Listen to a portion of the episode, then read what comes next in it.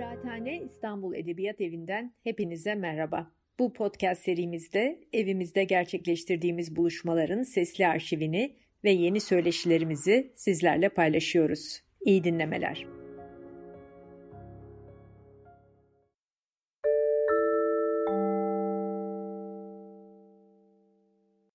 İyi akşamlar. Kıraathane İstanbul Edebiyat Evi'nden hepinize merhaba. Bu akşam edebiyat konuşmaları serimizde çok önemli bir yazarı, çok da özel bir kitabı konuşmak üzere buluştuk. Ee, aslında bu bir yönüyle bir kitap sohbeti çünkü e, can yayınlarından e, yenilerde çıkan Seneler, Ani Erno'nun Seneler kitabını konuşacağız. Ama kitapla da sınırlı tutmak istemedik sohbeti. Çünkü Ani Erno herhalde e, söylemem böyle söylemek yanlış değil. Fransa'nın yaşayan en önemli yazarlarından biri. Türkçe'de daha önce başka yayın evlerinden çıkan e, birkaç kitabı vardı. Ama şimdi e, yayın öncesindeki sohbette aldığımız müjdeye göre Ani Erno'nun külliyatı da artık Türkçe'ye kazandırılacak e, can yayınları tarafından.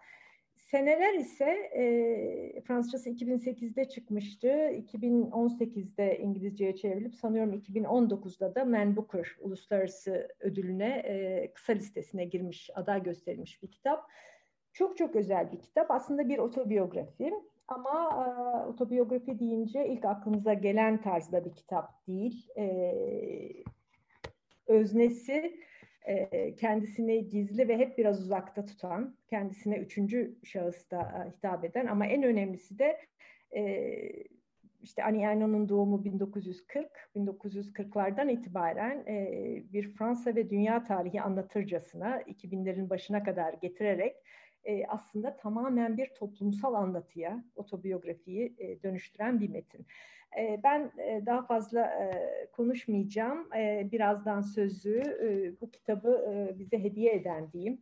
Tabii çevirmeni Serin, Siren İdemen'i de analım, selam gönderelim. Harika bir çeviri bu arada. Ama bu kitabı bize hediye eden Can Yayınları'nın Çağdaş Edebiyat dizi editörü Cem Alpan ve bu kitabın editörü Şirin Eti'yi davet edeceğim ve onlardan dinleyeceğiz. Hem kitabın hikayesini hem Ani Erno'nun e, toplumsal bellek ve kadın yazını e, çerçevesinde nasıl bir yere oturduğunu. Fakat şöyle anlaştık. E, olur ya kitabı henüz elinize almamış olanlarınız vardır, henüz okumamış olanlarınız vardır. Bu nasıl bir otobiyografi? Biraz size bir tat verebilmek, bir his verebilmek için ben kitabın 221-222. sayfasından e, size iki peş peşe paragraf okuyacağım.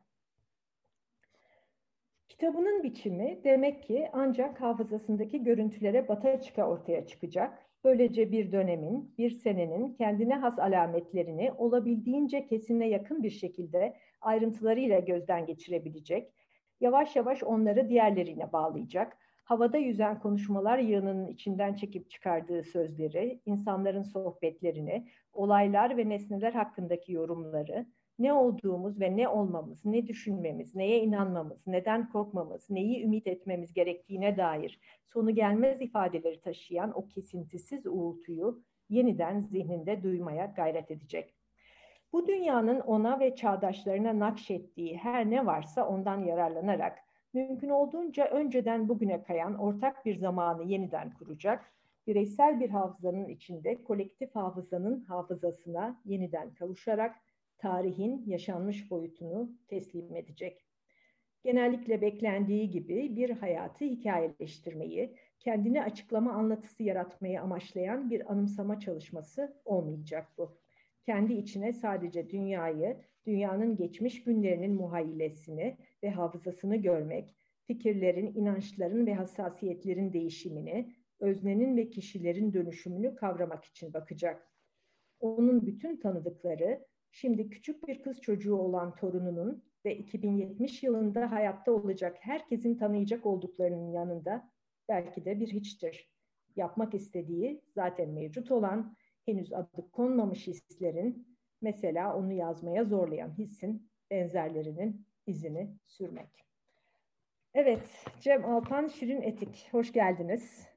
Ee, ben e, bu iki paragrafı sizlerden izin alarak okudum çünkü e, kitabı çok heyecan verici buluyorum ve bu iki paragrafı da aslında kitabın ne yapmak istediğinin çok iyi bir özeti diye gördüm. Ama eminim sizler bize çok daha kapsamlı bir sunum yapıp hem Ani Erno'yu hem kitabı biraz daha iyi anlamamızı sağlayacaksınız. Çok teşekkürler. Cem sözü sana vererek başlayayım. Biz çok teşekkür ederiz. Bu etkinlik için de teşekkür ederiz İstanbul Edebiyat Evi ve Kıraathane'ye. Yasemin'in de dediği gibi bugün çok özel bir kitabı konuşacağız. Bizi de bütün bu süreçte yayını hazırlama sürecinde hatta öncesinde hakikaten çevirmeniyle, editörüyle hepimizi çok heyecanlandıran bir kitaptı. Ve kitap üzerine biraz çalıştığımızda bu etkinlik e, için e, kitabı anlatmanın ne kadar zor olduğunu, not almanın ne kadar zor olduğunu gördük. Çünkü e, bir e, 70 seneye neredeyse yayılan bir hayatı 220 e, sayfaya sığdırmış ve aslında e, bir, bir tarihsel de bir taraftan bir anlatı. Tarihin e, tecrübesinin, duygusal olarak tecrübesinin duyumsanmasının anlatısı diyor kendisi de.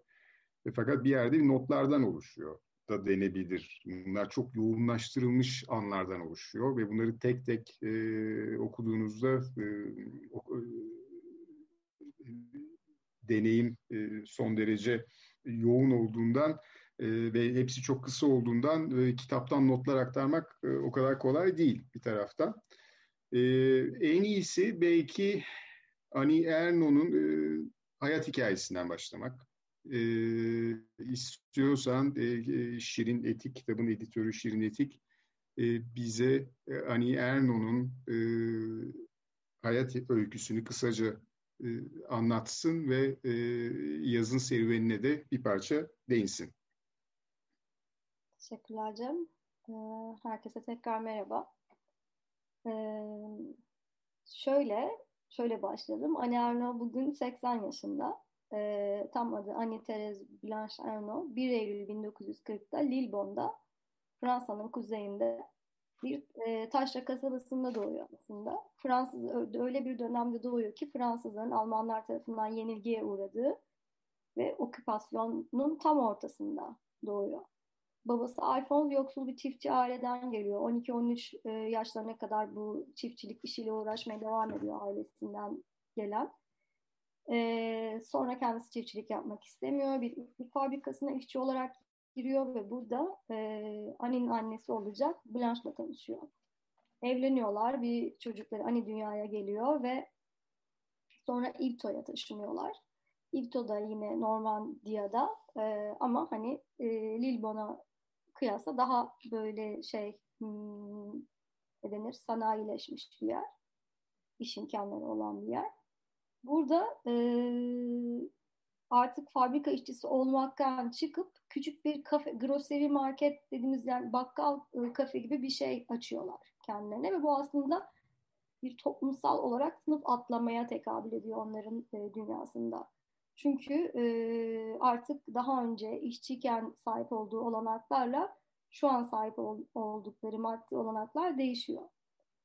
E, Erdoğan'ın Arno'nun annesi çok önemli bir figür, figür Blanche. E, aynı zamanda zaten bu toplumsal olarak atladıkları sınıf atlama olayı da annesinin e, çabasıyla gerçekleşiyor. O teşvik ediyor sürekli kocasını ve kocası hakkında da söylediği bir söz de var. Benim kocam asla işçi gibi biri olmadı diyor.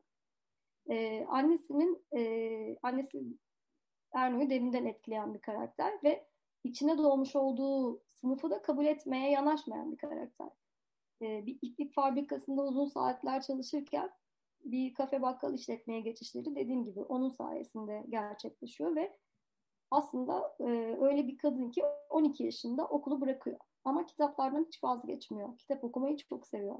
Erno bir röportajında hatta şöyle diyor. E, onu alıntılayayım. Annem kitabı alıp sayfalarını çevirmeden önce mutlaka ellerini yıkardı diyor kitapların ve eğitim yani bunu bu kadar önem vermesinin sebebi ise aslında tabii ki şey kitapların ve eğitimin farklı bir geleceğe açılan bir pencere. Onu e, başka bir toplumsal sınıfa götürecek e, bir bilet olarak görüyor anne. O yüzden de kızının okumasını çok istiyor. Zaten Erno parlak bir öğrenci. Ee, hemen öğretmenlerin dikkatini çekiyor. Her fırsatta kanıtlıyor parlak bir öğrenci olduğunu ve devlet okulundan ziyade İpto'da e, özel bir Katolik ortaokuluna gidiyor. Ve ilk defa kendi toplumsal sınıfından e, insanlarla değil, burjuva kökenli insanlarla bir araya geliyor. Ve burada kendini yine ilk defa toplumsal açıdan onlardan aşağı hissediyor. Ve ailesine karşı anlamlandıramadığı da bir utanç duyuyor. Ee, örneğin bir gün annesiyle e, o bakkal kafeden çıkıp eve giderken öğretmeni ve arkadaşlarıyla karşılaşıyor ve çok utanıyor annesinin kılığından. Yine başka bir örnekle Ont kitabından bu da alıntı okuyayım. Şöyle diyor. E, bakkalın kapısını açtım. Kısa bir süre sonra mağazanın lambaları yandı. Ve o anda annem kapıda göründü. Uyku mahmurluğu, saçı başı dağılmış, buruşuk ve kirli pijamasıyla çok kötü görünüyordu. Madam El ve çocukları o anda konuşmalarını kestiler. Annem mırıldanarak iyi akşamlar dedi. Ancak kimse ona cevap vermedi. Annenin ortaokul yılları bu şeylerle geçiyor. E, kendini ait hissetmemesiyle o e, içine dalmaya çalıştığı ortama. Sonra üniversite için Ruan'a gidiyor. Burada e, üniversite yıllarında bir roman yazıyor. Ve yayıncılar tarafından fazla iddialı, fazla hırslı diyerek geri çevriliyor. Üniversite döneminde yaşadığı deneyimlerden sonra e, ki burada hani kampa gidiyor, İngiltere'de au pair'lik yapıyor, bu gibi şeyler var çok fazla. Ve sonrasında iki önemli, Fransa'nın iki önemli sınavını geçiyor öğretmenlik yapabilmek için. Biri CAPES, biri Agrasyon dediğimiz. Ve ondan sonra Otsa, Ansi, Otsava'da edebiyat öğretmenliği yapmaya başlıyor. Ve yine bu geçişle ilgili e, kendisinin yine bir röportajında söylediği bir söz var. Bir işçi ve küçük esnaf ailesinin yüksek yüksek öğrenim gören ilk üyesi olarak fabrikadan ve tezgahtan böylece sıyrılmış oldum diyor. 64'te Burjuva diyebileceğimiz Philip Erno ile evleniyor. Ondan iki oğlan çocuğu oluyor. 67'de babasını kaybediyor. Reddedilen romanından sonra tekrar yazma cesaretini ancak 70'lerin başında buluyor kendinde. O sıralar Bourdieu'nun habitus kavramı, e, kuramıyla tanışıyor. Ve bu Erno'da bir farkındalık yaratıyor. E, neden? Çünkü Bourdieu eğitim sisteminin aslında işçi sınıfından gelen çocukları bir şekilde dışarıya ittiğini söylüyor. Ve Bourdieu sayesinde Bourdieu akranlarıyla birlikte okuduğu yıllarda ailesi hakkında hissettiği utancı da anlamlandırıyor Erno. Bourdieu'nun yazımındaki etkisine yine senelerde tekrar değineceğim. 74'te ilk kitabı Les Armoires Vides, Boş Dolaplar yayınlanıyor. Bizim de senelerden sonra yayınlayacağımız ikinci kitap, şu an Siren Hanım'ın çevirdiği kitap bu. E, yarı otobiyografik bir metin e, Boş Dolaplar. Türkçe ismiyle ifade edersem. Erno burada büyük ölçüde kendi çocukluğundan yola çıkıyor. Ama bunu Deniz Lesür diye bir karakterin çocukluğuymuş gibi anlatıyor. Roman son derece sert bir sahneyle açılıyor. Deniz'in e, kürtaj sahnesiyle açılıyor ve sonra onun çocukluğuna dönüyor. E, Deniz nasıl bir çocuk? Mütevazı bir ailede doğuyor ve ailesi e, bir bakkal dükkanı işletiyor. Tıpkı anneninki gibi. E, ama o kısa sürede parlak bir öğrenci olduğunu kanıtlıyor ve ayrıcalıklı sınıfların gittiği okullara erişme şansı elde ediyor. Orada kendini geliştiriyor, edebiyat öğreniyor. Yavaş yavaş içinde büyümüş olduğu çevre onun gözüne içler acısı, sefil ve pis görünüyor. Sonra Deniz kendini bu e, Deniz kendini bu iki nokta arasında iki zıt nokta arasında sıkışmış halde buluyor. Bir tarafta yetiştiği çevre ve anne babası var. Bir tarafta e, okulu ve yeni edindiği çevre var ve bu iki nokta arasında e, sonsuza dek bölünmüş hissediyor kendini. Bu sonra uzun zaman sürecek bir rahatsızlık olarak e, onu sürekli yiyip bitiriyor aslında. E, daimi bir rahatsızlık kaynağına dönüşüyor hayatında. Erno'nun e, dili bu kitapta son derece sert. Yani bir yandan nesnel. Nesnel olunca da aslında bir nevi sert evet. E, acımasızca günlük hayatı anlatıyor kitapta. O bakkaldan, bakkala gelen insanlardan, kasaba, kasabalı, kasabadakilerden bahsederken hiçbir şekilde onlara merhamet göstermiyor. Nostalji hiç yok. Her şeyi, yoksulluğu, cehaleti, pisliği olduğu gibi anlatıyor aslında. Deniz roman boyunca sürekli bu noktaya pislik hissine dönüyor. Öyle ki anne babasının durumunu, toplumsal ve kültürel durumunu tenine yapışmış ve asla kurtulamayacağı bir pislik hissi gibi duyuyor. Yani gerçekten brutal bir portre çiziyor ailesine dair. Sonra yaş aldıkça onlara bakışı değişiyor zamanla ve kitap işte bu şekilde e, bakıyor. Sanırım 100 sayfa gibi yine küçük bir kitap. Ve bu kitabı gizlice yazıyor Anne Erno. Kitabını yazmak için tek başına kalma fırsatı da bulamadığı için evli bir kadın ve çocuklu bir kadın olarak doktora tezi, tezi yazıyormuş gibi numara yapıyor. Kocası sonra kitap yazdığını öğrenince onunla bir alay ediyor önce. Ee, ama kitap Fransa'nın en prestijli yayın evlerinden birinden Gallimard'dan basılınca da bu hınca ve incinmişliğe bırakıyor yerine. Ve e, şöyle bir laf ediyor. Gizlice bir kitap yazabildiysen eğer aynı şekilde benim de aldatabilirsin diyor. E, bu mevzu yayını gizlice kitap yazıp yayınlatması evliliklerine bir kırılma noktasına e, tekabül ediyor. E, ve birkaç sene sonra Erno 3. kitabı La Femme yayınladığında bu kitapta evliliğini masaya yatırdığı kitap ve boşanıyorlar o sırada. Sonra verimli şekilde yazmaya devam ediyor Erno. E, La Place Babam diye bir adam diye aynı zamanda çevrilen kitap ve La Honte'da babasının erkek kimliğini, baba kız ilişkisini irdeliyor.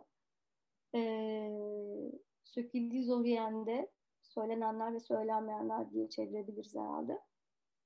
Kendi gençlik dönemini Ebenomon Kürtaj diye çevrilen kitapta yine kürtaj deneyimi, deneyimini kadın kimliğini Şipa Sorti de Manui'de annesini ve annesinin Alzheimer hastalığını Ünifamlı annesinin ölümünü Uzaj de Foto'da geçirdiği kanser hastalığını ve son kitabı Memoir de Fi'de cinsel rıza inşasını ve 18 yaşında yaşadığı ilk cinsel deneyime yer veriyor. O kitaptan da biraz Cem bahsedebilir sanırım. Ee. Sen eğer bitirdiysen biraz bahsedeyim. Tabii. En son dediğim gibi Lezer Marvit'ten sonra da onu yayınlayacağız. Evet. Ee, genç kızın hikayesi, genç kızın hikayesi de aslında yani yani onun e, Şirin'in söylediği gibi en son kitabı İngilizce'de çevrilen en son kitabı. E, aslında onun e, Şirin'in bahsettiği nesnel neredeyse e, acımasızlığa varan bir nesnellikle anlattığı e, e, üslubuna tabii ki bir örnek, ilginç bir örnek çünkü 18 yaşındaki bu ilk dön deneyimi aslında bir bir, bir, bir çocukların, ilkokul çocuklarının gittiği bir kampta, bir yaz kampında bir beden hocasıyla yaşadığı bir ilk cinsel deneyimi anlatıyor. Fakat bu son derece e, zorlayıcı, küçük düşürücü bir deneyim. Ama işin ilginç tarafı e, Ani Erno, o zamanki Ani Erno e, buradaki şiddeti, küçük e, düşürülmüşlüğü, bu acımasızlığı hiçbir şekilde yadırgamıyor aslında. Ve bu e, bu e, deneyimle ancak e, 50-60 sene sonra yüzleşebiliyor. Ve bunu tekrar yazmaya oturduğunda e, kendisiyle artık bağlantı kuramadığı e, noktalarda kendisine ki e, senelerde o zaten çok var. E, üçüncü teki şahısla hitap ediyor. Yabancılaştığı, e, o deneyimin ardından yabancılaştığı belki e, incindiği yanıyla. E, ve e, bu deneyimin arkasından e, bu çok normal karşıladığı ve hatta bunu arzu ettiği, istediği e, deneyimin arkasından da e, bir, süre sonra bir, bir takım e, psikolojik bozukluklar, e, sorunlar ortaya çıkıyor ve e, bunun nedenlerini bir parça e, yine nesnel bir şekilde, olabildiğince nesnel bir şekilde anlatmaya çalışıyor bu kitabında da. E, sanıyorum Şirin e, de herhalde benimle aynı fikirdedir. Ani Erno'yu çok ilginç kılan e, yönlerinden biri Şirin'in de e, bahsettiği gibi e, Bourdieu'nun herhalde büyük etkisiyle e, çok nesnel e, yaklaşmaya çalışması ve e, böyle bir, bir psikanalitik bir dinamik e, işin içerisinde bulunmaktansa e, toplumsal işin ve sosyal yönüne ne daha fazla ağırlık vermesi e, denebilir. Nitekim senelere gelecek olursak, seneler üzerinde konuşacak olursak orada da çok ilginç bir şeyle karşılaşıyoruz. Çünkü kitabın e, türü olarak ki e, türünün ismini koymakta yayıncı olarak hep zorlanıyoruz. Neden? Çünkü bir taraftan bir roman, e, kendisinde bunun bir total roman olduğunu söylüyor ki kitabında bir yerde buna bir açıklama, açıklık da getiriyor. E, fakat bir taraftan da bir otobiyografi e, ancak ben anlatıcı yok e, bir, bir kuşağın otobiyografisi gibi bir taraftan da. E, şimdi istiyorsan Şirin e, seneleri biraz konuşmaya başlayalım. Yapabilirim aslında, evet. Efendim? Evet, bir giriş yapabilirim aslında. Hı hı. Ee, seneler için Anneanne'nin başyapıtı diyebiliriz. Ee, bu başyapıt 2008 yılında yayınlanıyor. Ama İngilizceye 2018 yılında Yasemin Hanım da bahsetti. Fitzgeraldo yayın evi tarafından çevriliyor ve 2019'da da Booker'ın kısa listesine kalıyor. Aslında zaten Fransa'da rüştünü çoktan ispat etmiş, çok önemli bir yazarken e, bu English Speaking World dediğimiz dünyaya açılması senelerin İngilizceye çevirip Booker'a Booker'ın kısa listesinde kalmasından sonrasına tekrar ediyor. Arno bu kitap e, üzerine 40'lı yaşlarda çalışmaya başlıyor. Burada bir sadece yazar değil bir etnolog yazar gibi çalışıyor. Bir etnolog gibi hareket ederek 1941 ile 2006 yılları arasında yaşananları kayıt altına alıyor. Ve bu ortaya çıkan eser de total roman olarak nitelendiriliyor. Bunun sebebi de Erno'nun hem bireysel hem de toplumsal belleğin yansıması olacak bir şeyler bırakma kaygısıyla hareket etmesi aslında. Fransız toplumunun hem meşru kıldığı hem de görmezden geldiği yaklaşık 70 yıllık bir döküm niteliğinde bir kitap. Erno'nun bu anlatıda hem otobiyografiye başvuruyor, hem sosyolojiye yaslanıyor, hem kolektif bellekten yararlanıyor. O yüzden eleştirmenler bunu total roman olarak nitelendiriyor. Kitapta az önce senin de söylediğin gibi en fazla üzerine durulan noktalardan biri tamamen kişisel deneyimlerinden yola çıkmasına rağmen birinci tekil şahıs kullanımından bilinçli olarak kaçınması yazarın. Bu bağlamda Edmund White'ın da dediği gibi biz bir biz anlatısı seneler aslında. Savaş yıllarında doğan bir neslin ama özellikle kadınların kolektif otobiyografisi seneler ve kendi ama buna rağmen otobiyografi derken kendi yaşamını asla odak noktası yapmadığı bir otobiyografi. Onun üzerinden sadece kendini bir araç olarak, kendi deneyimini, kendi bir Fransız vatandaşı olarak, bir dünya vatandaşı olarak, bir kadın deneyimi, kadın olarak deneyimlerinden yola çıkarak belli bir zaman diliminin toplumun kroniğini tutuyor. Bir diğer önemli husus tekrar kitabın diline geleceğim. Çünkü Erno kendi gelmiş olduğu, büyümüş olduğu toplumsal sınıfa ihanet etmeden yazmaya özen gösteren bir yazar. Benimsediği anlatım tekniği Bourdieu'nun toplumsal sınıf ve kültürel meşruiyet kavramlarının etkisinde geliştirdiği bir teknik. Bu tekniği Laplace e, kitabından itibaren oturtmuş e, ve kendisi de şöyle söylüyor. Laplace babam diye çevrilen kitap. Şöyle diyor. Anılara hiç şiirsellik sokmayacağım. Dümdüz yazmak bana doğal geliyor. Bu eskiden de anneme babama önemli haberleri vermek için kullandığım yazı biçimi. Erno burada egemen kültürün yazınsal değerlerini izlemeyeceğini belirtiyor. Şiirsel dili kullanmaya karşı çıkarak anne babasının dümdüz söyleme biçimini benimseyeceğini, içinde büyüdüğü toplumsal sınıfın dilsel habitusuna bağlı kalacağını dile getiriyor. Diğer bir husus, yine benim ilgimi çeken senelerde hiçbir şekilde bir epizod yok ama aslında kullanılan fotoğraflar var ve bu kullanılan fotoğraflar aslında birer epizod görevi görüyor. Eline geçen her eski aile fotoğrafından hareketle fotoğrafın çekildiği dünyaya gidiyor ve bizi de oraya götürüyor. Amacı okul kitaplarının, filmlerin, tarih, tarih kitaplarının, belgesellerin yazmadığı ama belli bir topluluk tarafından tecrübe edilmiş, e, yaşanmış acı tatlı olayların ve imgelerin meşru kültürde yer almayan şeylerin belleğimizde yer almasını istiyor. Bu kaygıyla yazıyor. Toplumun ve kültürün geçirdiği dönüşüm üzerine notlarını sıralıyor. Dönemin sloganları olsun, reklamları, şarkıları, filmleri, popüler kültür kırıntıları, tüketim alışkanlıkları ve yemek sofraları bu kitapta bayağı yer buluyor kendisine. Ve e, yine yemek sofraları ilgili de e, bir röportajında şöyle diyor. Benim için geçmiş zamanların hatırası yemekler ve sofradaki konuşmalarla bağlantılı. O anda işleyen akıl değil başka bir şey. Çocukluktaki derin bir şey. Ne de olsa çocukluğumuz her şeyin matrisidir diyor. E, zaten kitapta sanırım başladığı ilk böyle ard arda bir imge patlaması diyebileceğimiz imgeler sıraladıktan sonra bir boşluk e, sonrasında açılan fotoğrafla açılan yerde yemek sofrası var ve bu sürekli tekrarlayan bir şey. Yemek sofrasında konuşulanlar. Ve orada bir çocuk aslında e, hat, küçük bir çocuk ama zihninde kalanlar burada tam da söylediği gibi akılla değil başka bir şeyle, oradaki derin bir şeyle bunları hatırlıyor. Ee, buraya kadar Cem'in ekleyeceği bir şey varsa çünkü ben sonra yine kitaptaki şeye geçmek istiyorum. Neden kadınlık deneyimi, neden e, kadın yazını e, önem, önemli olduğunu ve onu öne çıkarmak gerektiğini.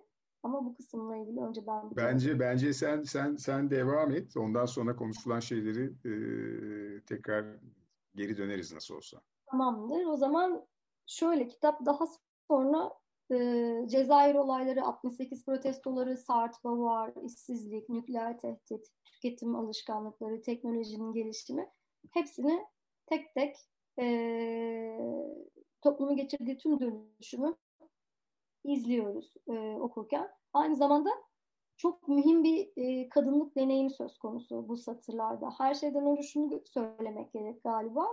Bu bir toplumsal otobiyografi evet ama kadın bakış açısından yazılmış bir toplumsal otobiyografi. Kadınların yaşantısı, mücadelesi burada tarihin ön saflarında yer alıyor. Kadının kendi bedeninin hakimi haline gelişi, doğum kontrol haplarının kürtajının yasallaştırılması, bu konuda verilen mücadele, kısacası kadınlık deneyimi bu kitapta 68 olayları ya da hmm, Cezayir Savaşı ya da erkeklerin siyaset e, meydanında yap, ettikleri kadar yer buluyor. Erno bunu şöyle diyor, şu şekilde anlatıyor. E, 68'in görkemli görüntüleri gibi sıkça tekrarlanmıyordu diyor bizim kadın e, mücadelemiz. Ve bu yüzden unutulmaya yüz tutan tek mücadele belki de diyor. Bu bağlamda seneler kolektif hafızaya bilinçli bir katkıda bulunuyor. Yani bir neslin kendi kolektif tarihine sahip çıkmasını teşvik ediyor. Christine Detres, akademisyen, sosyolog ve romancı e, şöyle diyor e, buradaki katkısı için. Ernon hatta Arno'nun kadın yazınına genel katkısı için. Bir nesil önce Beauvoir kadınları nasıl etkilediyse günümüzde Erno'nun kadınlar üzerindeki aynı etkiye sahip olduğunu düşündüğünü söylüyor. Öyle. Bir taraftan bu kitap e, öznelliğin e, ne olduğu üzerine de çok fikir veren bir kitap e, olduğunu düşünüyorum ben. Yani genelde özellikle otobiyografi gibi hep baştan o konuya dönüyorum. Bir türde çok insanların kişisel olana o girdiği, o alanlarda dolandığı aşikardır. Mesela işte yine otobiyografik romanlar yakın bir zamanda Knausgaard'ın ki yani ikisinin ne kadar farklı olduğu, ikisini karşılaştırmak hakikaten ilginç olacaktır son derece kişisel olan e, yerlere hatta bu konuda eleştiriliyor da girerken e, Ani Erno sanki e, kendi deneyimini ki bir eleştirmen de bunu söylemiş zaten e, e, kolektifleştiriyor. Gayri şahs, şahsileştiriyor ve yani kişisel olanla çok fazla ilgilenmiyor. Ama kitabı okurken en e, etkileyici e, deneyimlerden biri öznellik olarak algıladığımız, iç dünya olarak algıladığımız şeyin aslında ne kadar dış dünyanın e, bir yansıması olduğu ve dış dünya tarafından belirlendiği üzerine bence. Öyle yani ee, bireysel dediğimiz şeyin aslında ne kadar toplumsal ya toplumsal olandan e, nasıl kaçınamayacağımızı söylüyor aslında. Bireysel yaşantılarımızın hepsi toplumsal olanla bağlantılı. bağlan. Evet. Bir de kitabın önemli e, katkılarından biri de e, tabii İkinci Dünya Savaşı sonrasında son derece yokluk içindeki, zorluk içerisindeki bir Fransa'da, e, bir Fransa kırsalında başlayan bir kitap bu. E, fakat 1960'lara gelindiğinde yavaş yavaş e, bir tüketim toplumuna e, e, geçişten bahsediyor ve o geçişi, o nesnelerle ilişkiyi, o ilerleme kavramını ve ilerlemenin bir yerde satın almakla ilgili oluşu ve üretimle ilgili oluşuna da değiniyor. Ve bir tüketim toplumunun gittikçe güçlenerek e, kültürü ve e, öznel deneyimi nasıl şekillendirdiğini de anlatıyor bir taraftan. Sen hatta, ne diyeceksin bu konuda? Hatta şöyle bir e, şey var. Yani bu konuda ailesi de çok şey. Durmadan nesneler, nesneler, nesneler alıyorlar. Ve e, kendilerini nesneler üzerinden ifade ediyorlar. Ve onun içinde şey diyor. E, tek arzu duydukları nesnelerdi. Çünkü aslında neyin güzel olduğunu bilmiyorlardı diyor. Evet. Evet. Şeyde e, yani tüketim değişen tüketim alışkanlıklarını e, e, tanımlayışı da benim çok dikkatimi çekti. Mesela 2000'li yıllarda bu e, büyük e, zincir mağazaların açılması, Zara gibi e, mağazaların açılması ve işte büyük e, alışveriş merkezlerindeki alışveriş deneyimini anlatırken e, şöyle bir şey kullanmış. E, e, yani bir noktadan sonra amaç sahip olmak değil, sahte bir yenilenme hissiydi diyor 2000'lere dair. yani bu, bunları çok dikkatli bütün bu alışkanlıkları bir şekilde inceliyor. Edmund White yine New York Times'daki yazısında şöyle demiş kitap bir yerde aslında bir vaka çalışması gibi. Kendisini adeta bir vaka çalışması yerine koyuyor ve üçüncü tekil şahsla yazdığı için de o mesafeyi sağlayabiliyor e, bir yerde. E, ve aynı zamanda da biz anlatısı da sanki trajedyalardaki e, koroyu temsil ediyor.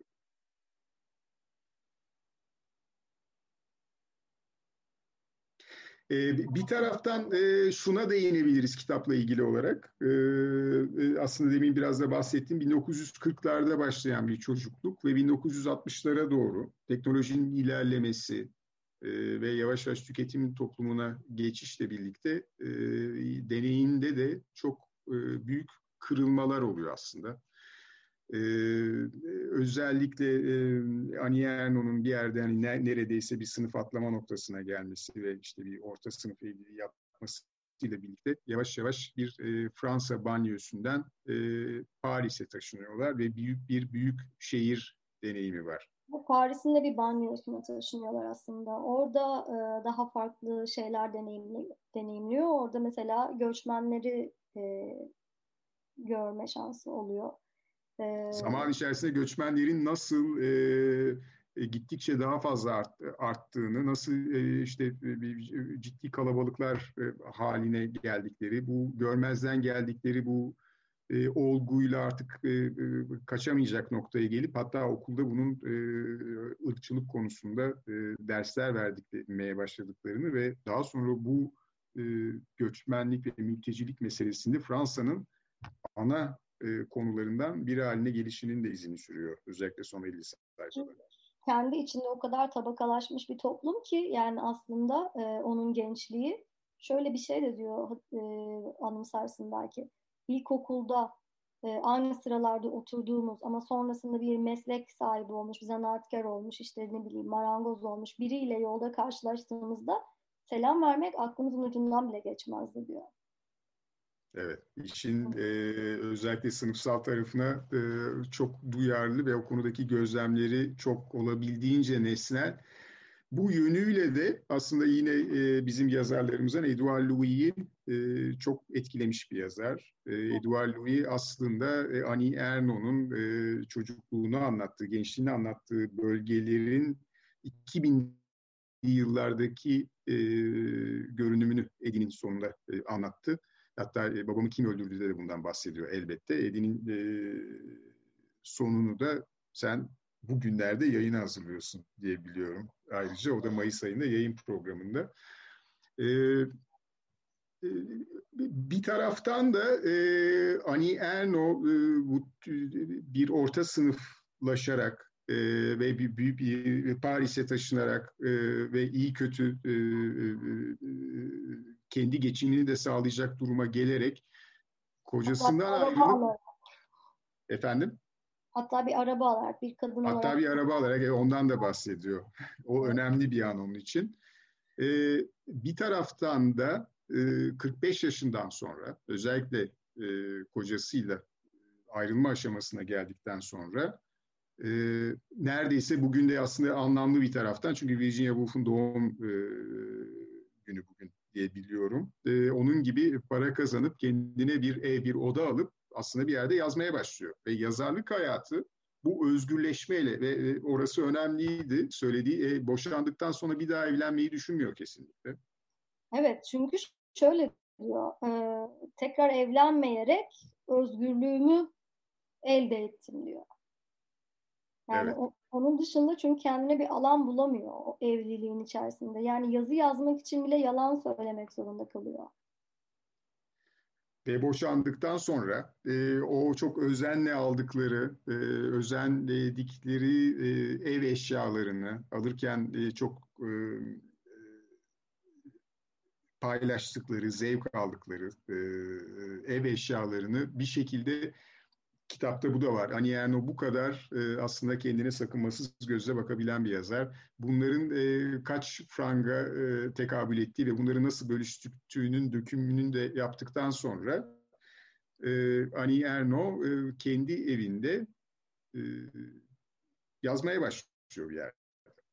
Öyle değil bu mi? döküm de bu arada bana e, şeyi hatırlattı. Sevgi Soysal'ın bir mal ayrılığı ve şampanya kovası diye bir öyküsü vardır. Orada karı koca malları bölünüşürken e, bayağı e, açıp onu tekrar okudum o bölümde mesela. E, aslında benzer bir dönemi anlatan bir kitapta bir daha e, var. E, Elena Ferrante'nin Napoli romanları. O da 1940'larda işçi Napoli'nin bir işçi sınıfı mahallesinde başlayıp e, daha sonra yine eğitim e, okuyabilme ayrıcalığı edinip e, biraz da tabii karakterlerin özelliğiyle e, sınıf atlayan e, iki tane özellikle bir tane yazarı ben anlatıcısı e, kadının serüvenini anlatan bir kitaptı. Orada da 1980'li yıllarda meydana gelen bir boşanma e, bölümü vardı. Sanıyorum üçüncü ciltte. E, tabii Ani Erno bunu çok daha kristalize bir şekilde anlatıp çok e, dediğim gibi kişisele çok fazla girmiyor. E, diğeri de kurgu. Ama ikisi arasındaki benzerlik de benim çok dikkatimi çekti okurken. E, ve orada da e, boşanan karakter daha sonra e, evlenme konusunda çok istekli değildi ve bir süre sonra yazmaya başlıyordu. Öznelliğini kazanıyordu. Bir yerde e, boşanma ve e, e, kendi geçimini sağlama çalışma e, Anierno'ya arzu ettiği özgürlüğü ve yaratıcılığı veriyor. E, yaratıcılığını kullanmasını belki de. Ve kendisi söyleşilerinde yanlış hatırlamıyorsam şöyle diyor. Hayatının en güzel dönemi e, 45 ile 60 yaş arasındaki o dönem, yaratıcı dönem. Bunu aynı zamanda şey olarak da söylüyorlar. Yani e, kendi gençlik dönemi e, bu kadınların cinsel anlamda e, özgür olamayışı, her an hamile kalma korkulu, korkusuyla yaşamaları ve evlenmek zorunda kalmaları böyle bir dünya içinde bir gençlik yaşıyor aslında. Doğum kontrol hapları e, sadece Almanya'da satılıyor ve işte bazen bazıları kaçak getiriyor ve doktorların çoğu bunları yazması. Sevgilisine ayrılışı, genç sevgilisinin ondan daha genç bir kadınla beraber oluşunun onda yarattığı kıskançlığı da son derece e, nesnel bir şekilde e, ortaya koyabiliyor. Ve orada beni çok etkileyen bir e, bölüm vardı, bir kısım vardı. Okuyanları biraz e, bilgi veriyormuş gibi oluruz ama e, yani bir şekilde kitaptan bahsederken bunu yapmak kaçınılmaz oluyor. Bir kanser e, tecrübesi de geçiriyor. Değil mi 2000'li yıllarda? Zaten ondan sonra kitaplı yazma konusundaki e, şeyi daha fazla artıyor. E, arzusu ve e, gücü. Ve o kanser tecrübesini geçirirken de bu genç sevgilisiyle yaşadığı şeyleri tekrar geri dönüyor. Ve oğullarıyla olan ilişkisini de iki tane oğlu var. onları da bir, bir, bir şekilde hatırlıyor. Orada da ilginç detaylar var. Çünkü e, Annie Ernaux'un gençliğinde 1940'larda, 50'lerde cinsellik bir tabu, konuşulmayan bir şeyken, e, hatta e, yani e, evlenmeden önce yaşanan cinsel deneyim e, bir bir bir genç kızın hayatını e, mahvetmek anlamına geldiği söylenirken ki zaten evet. kendisi de en büyük korkusunun ailesine utanç getir, bunu kastediyor. Utanç e, getirmek olduğundan bahsediyor. E, evet. Öyle bir şeyle gelmesi, e, çıka gelmesinden. Ama işte o kuşağın e, çocukları kendi kız arkadaşlarını e, annelerin evine getirip onlarla birlikte yaşayabiliyorlar. E, çok daha farklı bir şekilde deneyimliyorlar. Ama bir şekilde Ani Erno bunu da çok idealize etmiyor. E, derken e, yani bir, bir, zaten bir eleştirel bir tarafı yok. E, fakat e, sanki yaşananları olduğu gibi anlatmaya çalışılmış gibi. Ama bir taraftan tüketim toplumunda da gençlerin tavırları, e, televizyonun, daha sonra internetin e, ve cep telefonunun e, kültürü nasıl etkilediği ve yönlendirdiği ve insanları, e, özellikle gençleri, tabii bir yerde bir öğretmen de gençlerle e, içli dışlı e, bir hayat da sürüyor bir noktada öğrencilerle. E, onları da aslında böyle olabildiğince açıklıkla anlatıyor ve hayatı e, boyunca meydana gelen ama doğrudan etkilenmediği büyük tarihsel olayların da bilincine ya da ruhuna, psikolojisi nasıl gölge düşürdüğü, nasıl etki ettiği konusunda da çok duyarlı. Örneğin Cezayir Savaşı. Örneğin Yahudi e, soykırımı ile ilgili olanlar. Mesela 1960'lara kadar bu konu aşağı yukarı hiç konuşulmuyor ki yani Fransa'da e, neticede sen de bahset, senin de bahsettiğin gibi Almanya'nın e, işgali altındaydı ve e, bu olaylar hatta Shoah, Shoah e, filmiyle birlikte ancak bu meseleyle yüzleşmeye başladıklarını ki filmin de tarihi yanlış hatırlamıyorsam 1980'lere denk geliyor. Evet, Öyle değil mi? Zaten o zaman e, o dönemin sofralarında konuşulan savaşken oh Almanlara nispet yapar gibi hani yine doyduk kahrolsunlar. İşte eskiden şöyleydi, eskiden böyleydi. Hep böyle bir anlış anma. Özellikle Birinci Dünya Savaşı'nı çok böyle e, gerçek bir erkek savaşı olarak anlatıyor o büyükleri sofralarda. Ama İkinci Dünya Savaşı'ndan hani alçakça olarak bahsediyorlar ve bunları dinleyerek aslında büyüyor Erno ve e, bir yandan da hayıflanıyor. Büyük olan, e, görkemli olan tarihi kaçırmış hissi duyuyorduk e, biz çocuk olarak diyor. Yani sofralardaki bu kıtlık, iaşe, tütün karneleri gibi şeyler, fakirlik, yoksulluk, e, daha böyle nasyonalist şarkılar falan söylenirken e, mesela kendi çocuklarıyla 60'larda e, oturduğu sofrada televizyondaki kadının peruğu işte ya da işte bilmem neyin çıkışı, e, yeni şarkılar, daha popülist şeyler ve e, araba modelleri falan konuşuluyor. Yani tamamen değişiyor bir toplum bir yerde reklamların artık e, çok daha belirleyici olduğu bir döneme girdiklerine dair bir notu var. Televizyonda seyredilen yani televizyonun tabii şu anda televizyon bir şekilde birçoğumuzun hayatından çıkmış gibi. En azından benim hayatımdan çok uzun süredir çıktı. Fakat tabii ki bir yaşa kadar e, yani e, yemek masası şu su bu su televizyonun önündeydi. Yani biz 18 yaşına kadar yani evde aile içerisinde büyüdüğümüz yaşlarda yani 1990'larda 80'lerde televizyon e, hayatın merkezindeydi. Ve onun kültürü nasıl dönüştürdüğünü ve nasıl bir şekilde senin dediğin gibi reklamların, işte tüketimin e, ya da işte e, komedi programların e, nasıl e, e, dolaşıma girip de e, deneyimi, kişisel deneyimi dönüştürdüğü üzerine de çok ilginç gözlemleri var kitapta.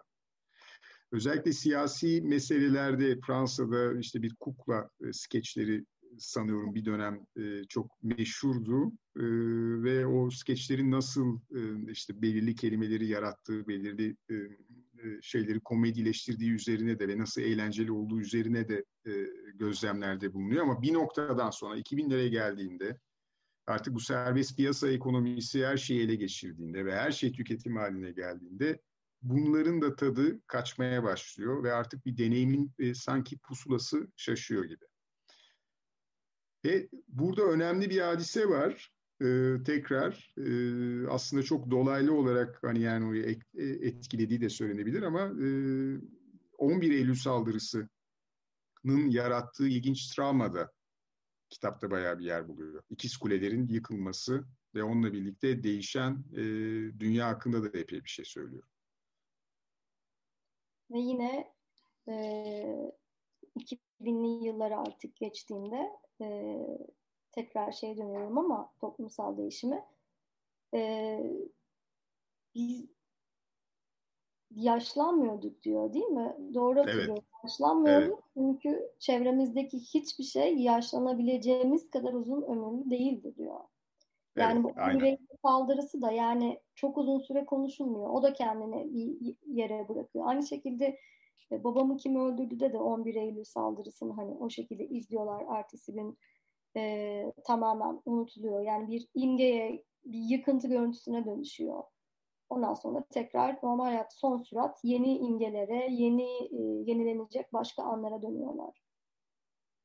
Evet, evet. Yani zaten e, kitabın e, büyük bir kısmı bir şekilde bu e, tüketim toplumunun ve serbest piyasa ekonomisinin e, dediğim gibi e, deneyime nasıl yansıdığı, nasıl dönüştürdüğü, tecrübeyi nasıl dönüştürdüğü üzerine. Dolayısıyla e, elbette ki bir takım ilerlemeler oluyor. Kadınların özgürleşmesi olsun ya da e, günlük hayatın farklı, e, daha farklı yaşanması, teknolojinin gelişmesi, şu bu falan. Ama bir, bir taraftan da deneyimde de ciddi televizyonla, reklamla, tüketim toplumuyla aşınmalar olduğunu e, hep altını çiziyor aslında. Ve bunun üzerine bir de bilgisayar ve cep telefonu geliyor. Evet. Ve bir, bir süre sonra bunları e, kullanmamak diye bir şey söz konusu olamıyor hayatta. E, ve e, diğer bütün o eski özellikler, eski alışkanlıklar e, rafa kalkıyor. Bunları aslında biz de çok kısa bir süre, e, Aniano'dan tabii ki daha e, kısa bir zaman süresi içinde tecrübe ettik, yaşadık ama e, bizler de aslında hissediyoruz. 2000'ler öncesi, 2000'ler sonrası e, değişim e, ne kadar e, keskin olduğunu insan e, bu kitabı okuduğunda daha iyi e, görebiliyor. Yani bir ee, zamanlar telefon ya da çamaşır makinesi kullanmayı bilmeyenler nasıl yok olduysa bilgisayar ve dijital e, aletleri kullanmayı bilmeyenler o şekilde yok olup gidecek artık diyor. Evet. Ve bundan sonra ne olacak acaba? Ee, bir e, kitabın şeyi, sürati ve yapısından biraz bahsedebiliriz. Ee, mesela Twitter'da e, arada bir insanların paylaştığını, bir, bir kısmı tabii tanıdığım insanlar, e, bizim gibi okurlar, e, paylaştığını görüyorum ve hepsi şundan bahsediyorlar ki ben de aynı şeyi ikinci kez okurken hissettim biraz hız kesmeye çalışıyor insan. Çünkü çok e, kısa e, uzunlukta diyeyim bir paragrafta, bir sayfada, üç sayfada çok yoğun bir deneyimi adeta kristalleştiriyor. Ve yani bu böyle üst... patlaması diyorum daha çok. Gerçekten bir imge patlaması. Havai fişek e, gösterisi gibi imgeler patlıyor sürekli. Bir taraftan da e, ama çok e, çok fazla hatta isabetli e, görüşleri var. E, yani kendiyle ilgili olsun ya da yaşanan hayatla ilgili olsun e, şu bu ve bunların hepsi tabii ki ağır şeyler. Çünkü anlattığı deneyimlerin bir kısmı son derece ağır deneyimler ya da bizim için bile kabulü o kadar kolay olmayan deneyimler. Çünkü biz de e, dediğim gibi tüketim toplumunun, siyasetin, tarihin e, bize olan etkilerini kitabı okurken e, açık bir şekilde hissediyoruz. Bize de o fırsatı veriyor. O e, e, olanağı veriyor. Ve e, bir süre sanki 30-40 sayfa okuduktan sonra insan hem e, bu senin dediğin gibi bu imge patlamalarına ya da bu, bu yoğun deneyimlere için bir nefeslenmek istiyor. Hem de tabii bir okuma keyfiyle ya bunu hemen bitirmeyeyim. Bir taraftan da çok süratli bir şekilde akan e, bir metin. Hemen e, bitirmeyeyim diye düşünüyor ve e, aslında başta söyledik ama ona tekrar değinelim. Hem biz anlatısı var hem de e, kendine odaklandığı noktalarda kendinden bir üçüncü teki şahısla o olarak bahsediyor. Bu ona sence nasıl bir e, neyi anlatma imkanı veriyor? Yani benle o diyerek, o mesafeyi kurarak benle anlatamadığı neyi anlatabiliyor ya da e, nasıl bir etki sağlayabiliyor bu sayede? Bence kesinlikle kendisine dışarıdan bakmaya çalışıyor. Kendisiyle ilgili duygusal hiçbir şeye e, e, duygusal e, onu dokunaklı kılacak bir şeye izin vermiyor. Tamamen nesnel olmayan bir kamerayı çevirircesine görmek istiyor kendisini de. O yüzden de yani dışarıdan bakma ben diyerek kendimize dışarıdan bakamayız bence. O yüzden çok, çok yerinde bir şekilde e, üçüncü tekil şahıs kullanımını seçiyor. Bir yerde aslında en sevdiği yazarlardan e, bahsederken e, George Perek'ten bahsediyor. Zaten kitabın belirli yerleri sanki o şeylerin girişini anımsattığı o eşyaların. Şeyler, aynı zamanda e, duble ve çocukluk hatırası yani çok fazla e, şey kesin. Zaten e, aynı dönemi anlattıkları yerde çok benzeşiyorlar. Benzeşiyorlar ve ikisinin de sanki belki Flaubert'den aldıkları bir bir objektiflik, bir mesafe kurma çabası e, anlatıda var gibi. Kendi gençliğinin o bur, burjuva evliliği yapıp, orta sınıf evliliği yapıp eşyaları alma, biriktirme, istifleme e, isteği, hazzı bence şeylerdeki Sylvie, Sylvie ve Jerome olarak da okunabilir. Yani e, aynı dönemin insanları yani o el o yüzden orada Sylvie de olabilir. O il Jerome de olabilir. Aynı zamanda Annie de olabilir. O yüzden el ve e, aynı zamanda bir yandan iyice e, bireysel hafızadan değil de bu sefer kolektiften bahsederken de o nu'ya bize geçiyor.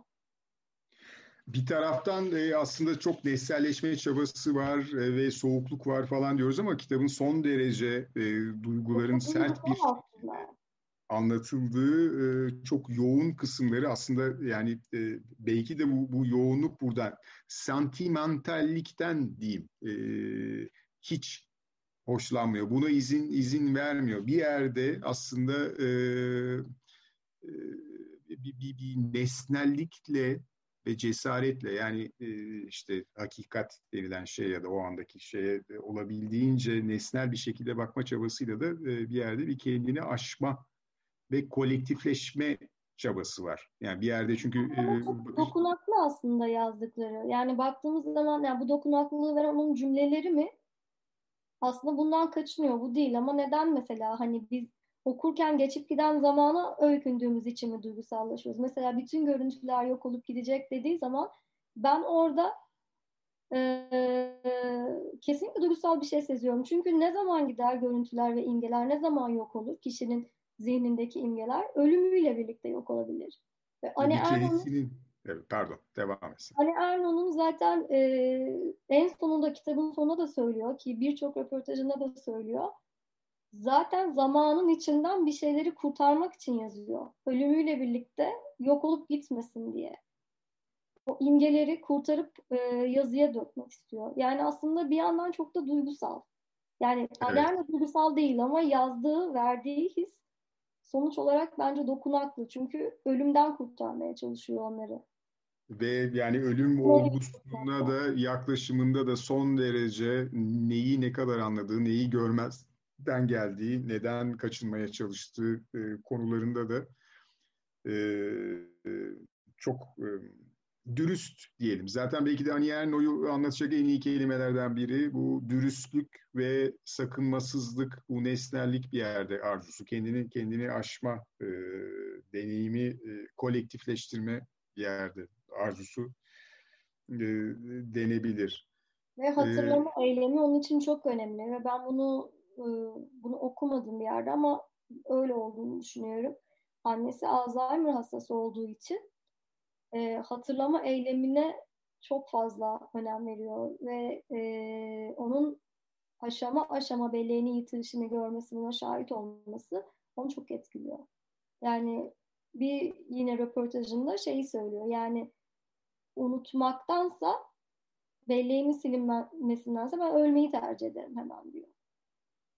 Zaten de öğretmenliğinin son döneminde de bazı tabirleri, akademik tabirleri unutmaya başladığında, e, annesinin kullandığı kelimeleri kullanmaya başladığını fark edip e, bir yerde e, hani bunları bir an evvel e, yazıp e, bir şekilde kurtarmalıyım evet. düşüncesi onda yer buluyor, ağır basıyor ve bunu böyle bir e, bir, bir görev duygusuyla da yapıyor. E, bir, bir taraftan ama şurada bulmaya çalışacağım. E, aslında Yasemin'in okuduğu bölümden de yanlış hatırlamıyorsam ama işin e, boyutunu iyi anlatıyor. Geçmişe ait ufacık an büyüyor, genişliyor ve bir ya da birkaç yılın hem hareket halinde hem de yekpare tonlar taşıyan ufkuna açılıyor. Böylelikle derin, adeta başını döndüren bir memnuniyetle tek başına bir görüntünün kişisel hatıranın uyandıramayacağı bir hisse, bilincini, bütün varlığını kavrayan, bir tür engin, kolektif hisse ulaşıyor. Ee, bu onun yapmaya çalıştığı şeyi bence özetleyen kelimeler bunlar. Yani kendi kişisel deneyimini kolektife e, taşıyan e, bir hisse, bir genişleme hissi, bir herkes olma hissi aslında. Birçok otobiyografi yazı yazarının e, yapmaya çalıştığı, yaptığı şeyin aslında bir yerde de tam tersi gibi. Tam tersi, evet. Evet. Burada yani dediğim gibi tekrar o noktaya geri döneceğim. E, bu kitap beni e, herhalde en e, belki bu dönemde yani ne bileyim son 10-15 yılı kapsayan dönemde belki en etkileyen kitaplardan biri oldu. Çünkü öznellik ve kişisel deneyim konusundaki fikirlerimi çok derin bir şekilde sarstı. Aslında iç dünya dediğimiz şeyin e, bir yerde e, kurgu da olabileceğini, bir kendin kandırmaca da olabileceğini, bir fantazi de olabileceğini, kişisel mutluluk ve kişisel deneyim, kendi dünyam dediğin şeyin aslında e, bir kaçış da olabileceğini e, ve tarih e, tarafından ve e, bir takım başka güçler tarafından, iktisadi, ekonomik güçler, toplumsal güçler tarafından, kuvvetler tarafından nasıl e, güdümlendiğimizi, nasıl şekillendirildiğimizi bir yerde kanıtlayan bir metin aslında, gösteren bir metin, açımlayan bir metin. Ki e, yine Edouard Louis'nin Babamı Kimi Öldürdüsü'nde şey vardı. Yani siyaset, toplumsal olaylar, dış etmenler e, alttaki işte orta sınıf ve e, alt sınıftaki insanların bütün hayatı demek. Onların bütün hayatını etkileyen birebir onların yani üstteki insanların aldığı kararlar alttakilerin büsbütün hayatını şekillendiriyor. Ama üsttekilerin için sadece bir salon oyunu. Hiçbir şey etkilemiyor en tepedekiler için. Yani Ani Erno da zaten e, alt ve orta sınıf e, onların özellikle dünyasını yansıttığı düşünülürse tam olarak e, Edouard Louis'nin de ondan nasıl etkilendiği ve bunu nasıl kurduğunu da görüyoruz aslında. Görüyoruz.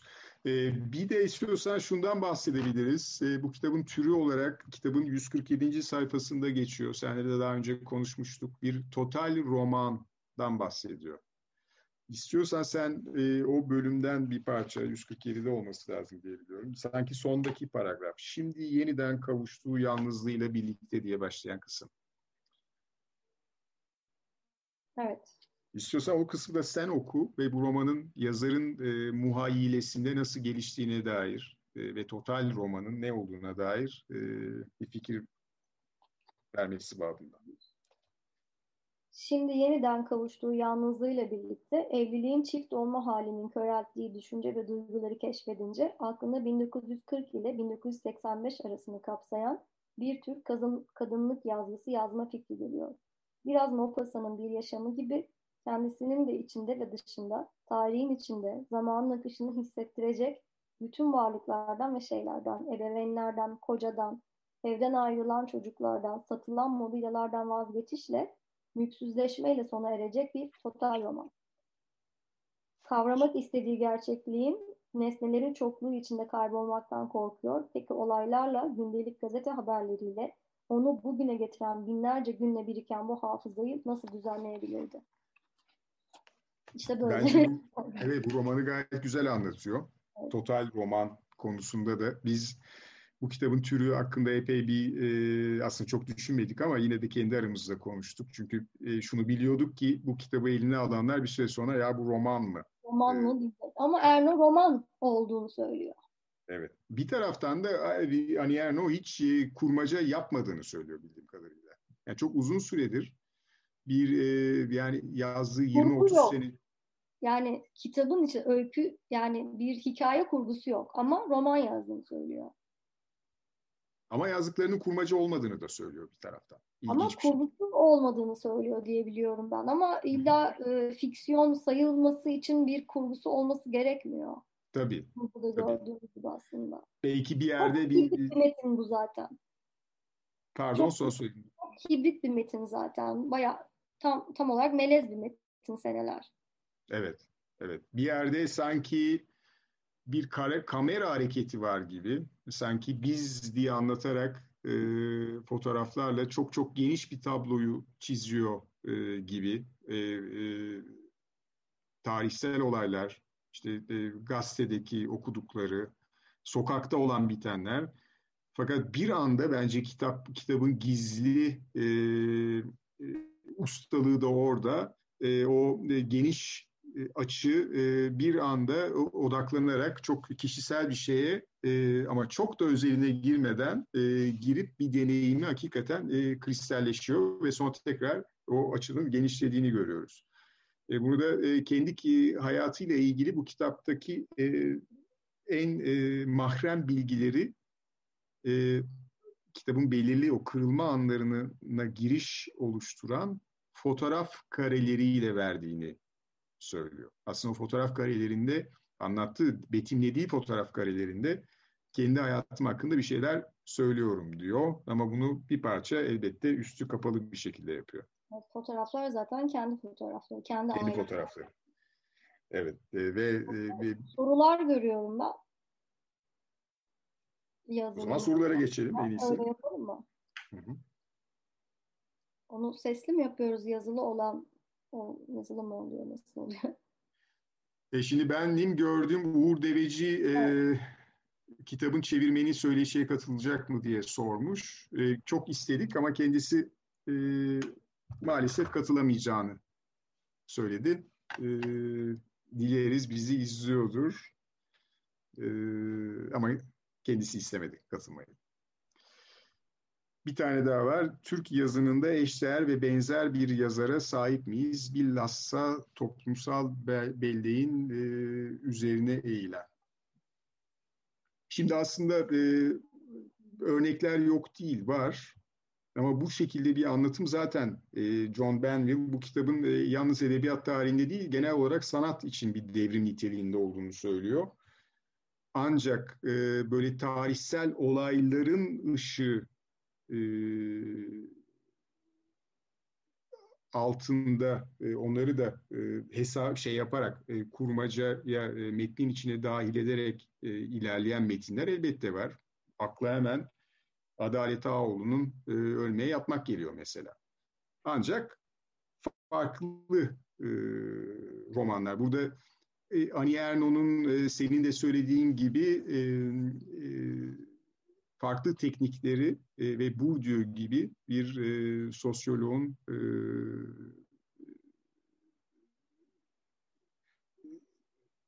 yaklaşımları yaklaşımını bir şekilde kurmacaya yedirmesi de var. E, e bunun yani yine ilginç yine Edouard Louis diyeceğim ama on, onun da mesela şey e, örnek aldığı kişi Bourdieu. E zaten öğrencisi Bourdieu'nun değil mi? Evet. Öğrencisi olmuş bir dönem. Evet. Yani, evet, yani, de, yani Bourdieu'nun etkisi çok açık bu noktada. Bu nesnel şekilde e, dümdüz olduğu gibi söyleme konusunda.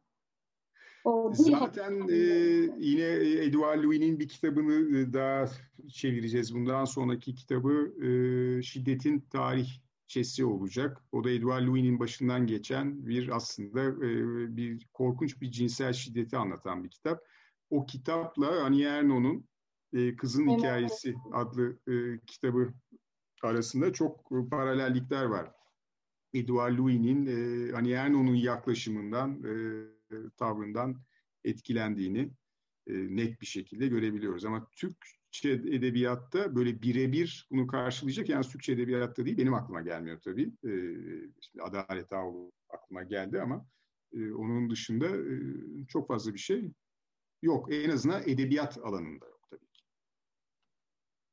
Ee, Uğur Bey e, şey demiş, bu kitaba bir yandan da erkek egemen tarih yazımını alternatif olarak tarihi kadın bakış, bakış açısından yazan bir romanda diyebilir miyiz? Bence evet. Sen ne dersin bilmiyorum ama bence evet. Yani kadın bakış açısı, kadınların tarihinin de diğer olaylar kadar yer alması e, kadın gözüyle aktarılması zaten bunu e, buna tekabül ediyor benim için. Tabii ki kitabın önemli bir noktasında e, bir ev ve çıktıklarında kocasıyla birlikte şimdi bulmaya çalışacağım çünkü işaretlemiştim neresi olduğunu da hatırlıyorum ve kendisi ev içindeki görevinin sen daha iyi hatırlarsın belki benle resmen çetelesini çıkartıyor. Evet.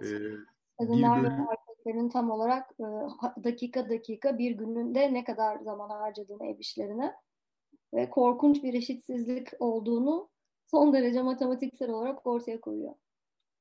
Matematiksel olarak ortaya koyuyor ve daha sonra da bu eşitsizliğin bir yerde aslında e, üstesinden geliyor gibi ekonomik bağımsızlığını elde ettiğinde ve tabii öncesinde ciddi bir mücadele de var. 68 olaylarına da e, bir yerde kitapta önemli yer tutuyor ve e, yürüyüşleri, protesto gösterileri e, bunların hepsine de yer veriliyor. Müge Hanım'ın e, sorusu var.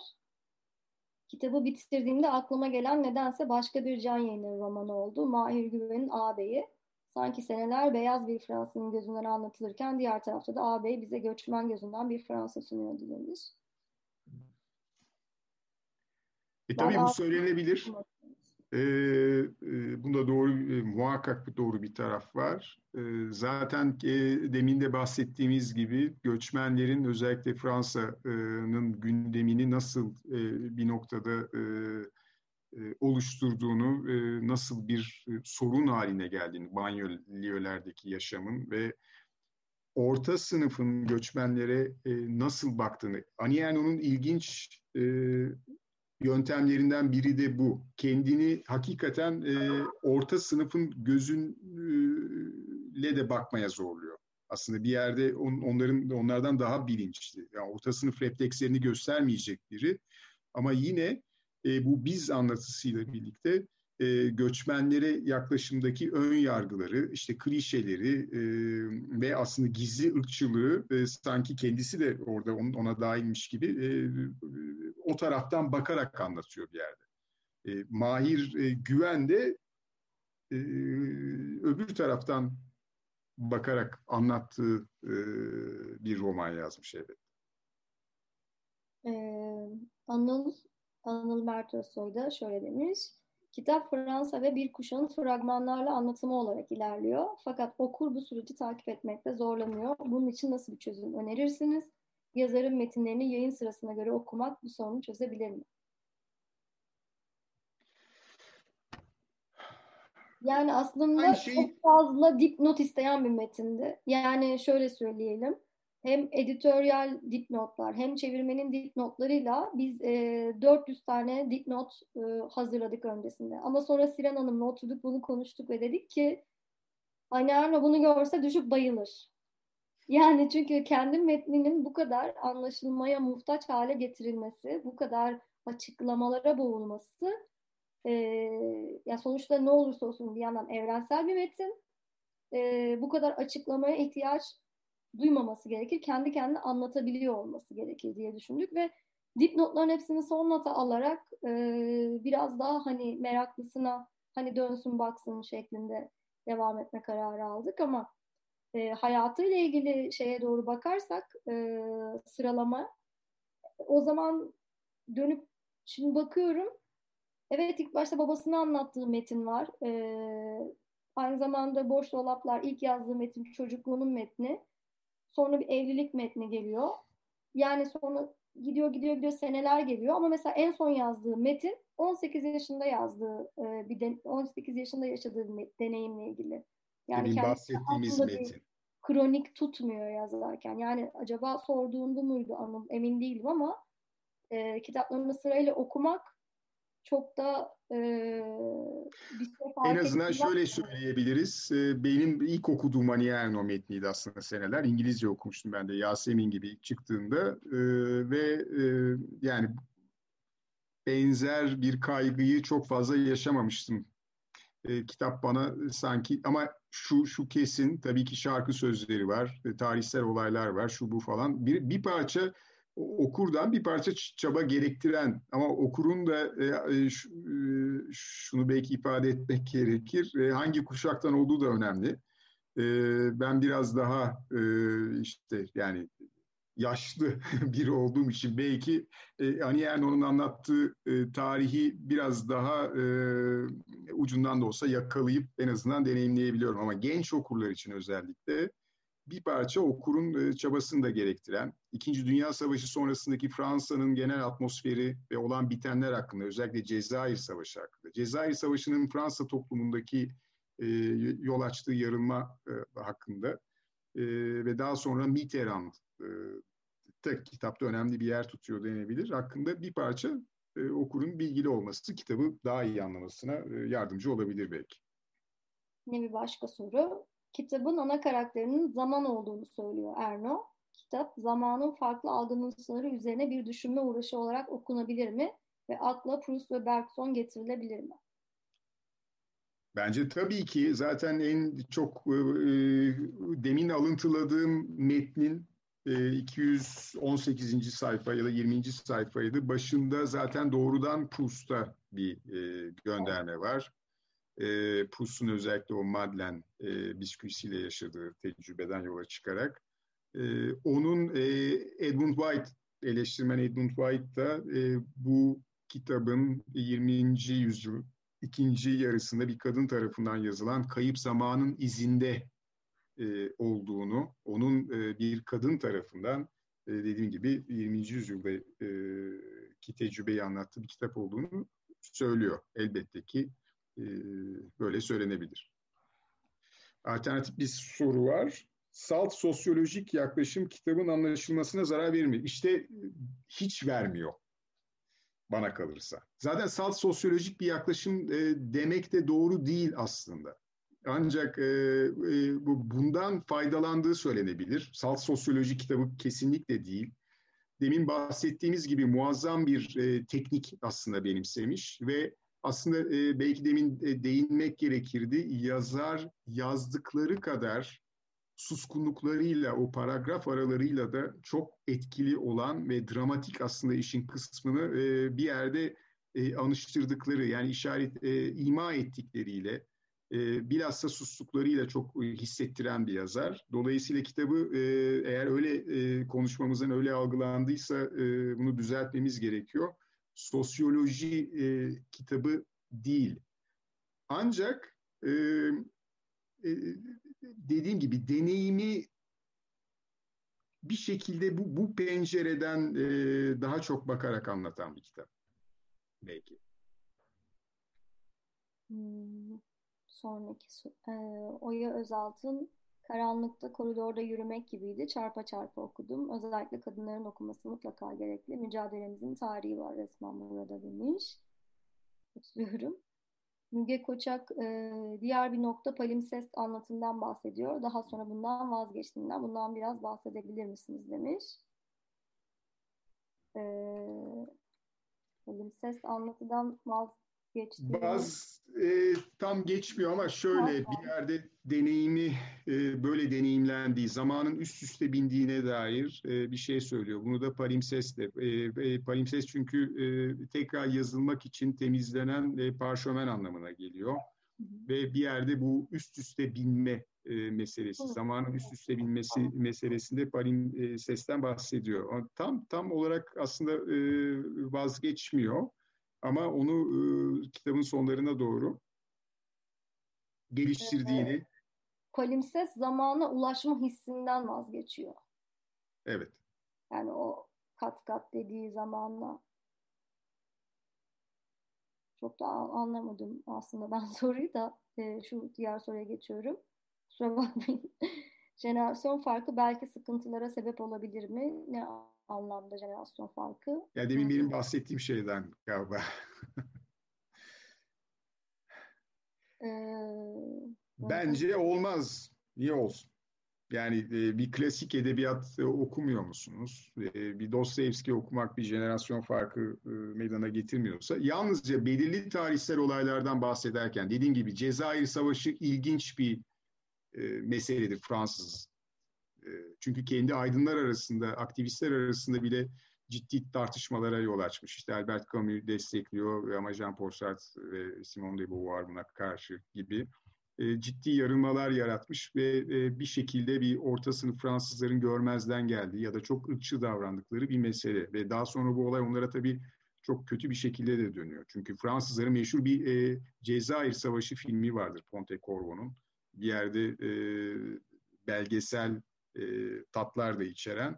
Orada açık açık e, Fransız ordusunun Cezayirlilere işkence yaptığı ortaya konur ve yani e, gösterilirdi de.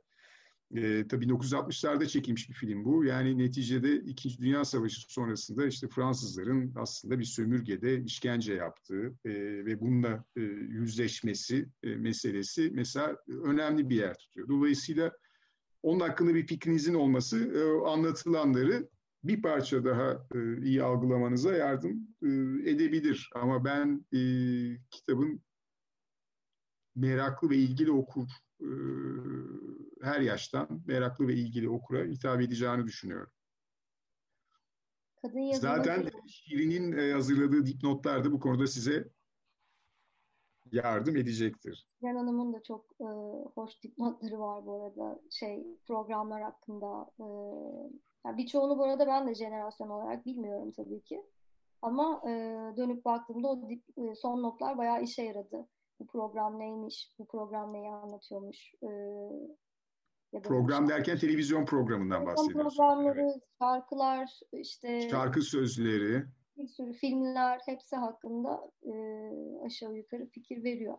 Ama özellikle ben televizyon programları konusunda çok yararlanmıştım Siren Hanım'ın şeylerinden, e, notlarından. O güzelce araştırmış sağ olsun. E, Başka ne görüyorum burada? Kadın yazını geleneği bağlamında neler söyleyen bir yazar Ani Arno? Edebi mirasına dair özellikle altını çizdikleri var mı? Bugün Germen e, Germen biri değil. Kimden bahsediyor? Greer. Mesela ondan e, çok etkileniyor ve seviyor değil mi Avustralya? Evet. Avustralyalı yazar.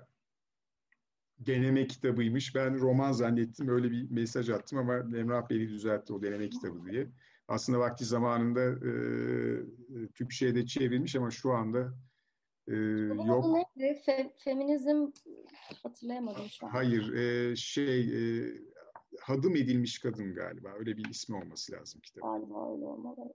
E, aynı zamanda Virginia Woolf'tan çok e, etkilenmiş. Elbette ki Simone de Beauvoir'dan e, çok etkilenmiş. Hatta ikinci cinsiyeti e, çok fazla vurgu yapıyor Simone de Beauvoir'ın ikinci cinsiyetine.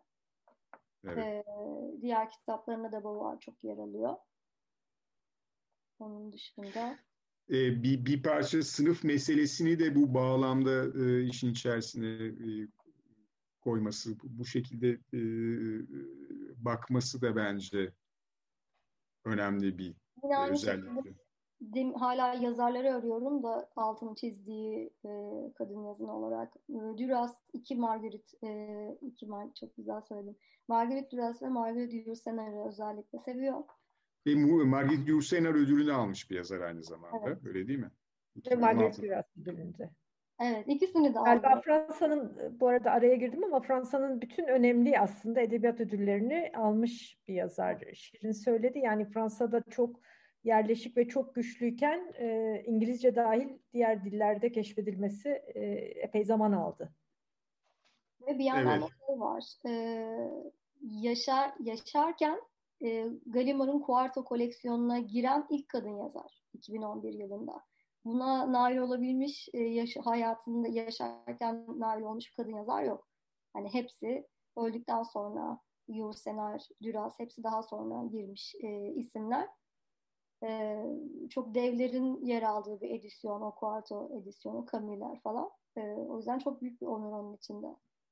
Bir taraftan şunu da ekleyelim. Belki bu soruya e, bir şey ekleyelim. Bu son Me Too hareketini de Canı Gölü'den destekleyen ve bu konuda e, ya biraz abartıyorlar diyen Catherine Deneuve e, çok sert yanıt veren e, bir tavrı da oldu. E, ve Fransa Akademiyası'nda ve sanat dünyasındaki erkek egemen yapılanmayı da e, altını çiziyor aslında. E, Fransızların meşhur e, baştan çıkarma sanatı e, vardır diyor. E, seduction e, işte bu e, yani çok Fransızlara özgü bir şey olarak e, yazılır ve bu böyle övülür diyor. Ancak bunun bir yerde bir e, e, erkek manipülasyonundan başka bir şey değildir. Yani kültürü de eleştiriyor. E, ondan sonra e, bu konuda da son derece sert beyanları var. Nurhan e, Hanım da aslında bir referans kitabı olarak da düşünüyorum demiş. Öyle benim gördüklerim. Referans kitabı. Soru var mı diye bakıyorum. 11 Eylül ile ilgili bir soru vardı. Onu değinmiş miydik? Demin gördüm. Ee, değindi onu ama.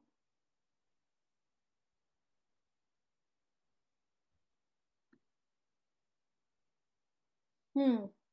11 e, Anne Erno'nun en sert yorumlarından biri 11 Eylül ile ilgili olan e, olmuş demiş Müge Koçak. Bunu her şeyin bir bedeli vardır diyerek bence bizden bene dönmüş. Alende'nin katledilişinden bahsederek bu konuda ne düşünüyorsunuz demiş. E, Allende'nin katledişi lişi meselesi tabii orada biraz açmak gerekiyor. Çünkü e, Şili darbesinde Amerika'nın CIA'nin e, rolü olduğuna dair e, çok şey yazılıp çizildi. Naomi Klein da son kitaplarından birinde bundan bahsetti. Bir şekilde aslında e, Annie Ernaux'un orada tam olarak kendi fikrini söylediğini düşünmüyorum. Yine aynı şekilde belirli bir, e, bir bir kesimin işte bir orta sınıfın ya da şunun bakışını bir şekilde e, yansıtıyor bir yerde. Yani şunu demeye getiriyor. E, Amerika, Güney Amerika'da yani Kuzey Amerika, ABD Kuzey Amerika'da bu darbelere zemin hazırlarken iyiydi. İşte şimdi 11 Eylül olduğunda da işte bunun bir yerde bedelini ediyor gibi bir bir bir, bir ön yargıyı dile getiriyor aslında orada. Onu düşündüğünü tam sanmıyorum ben.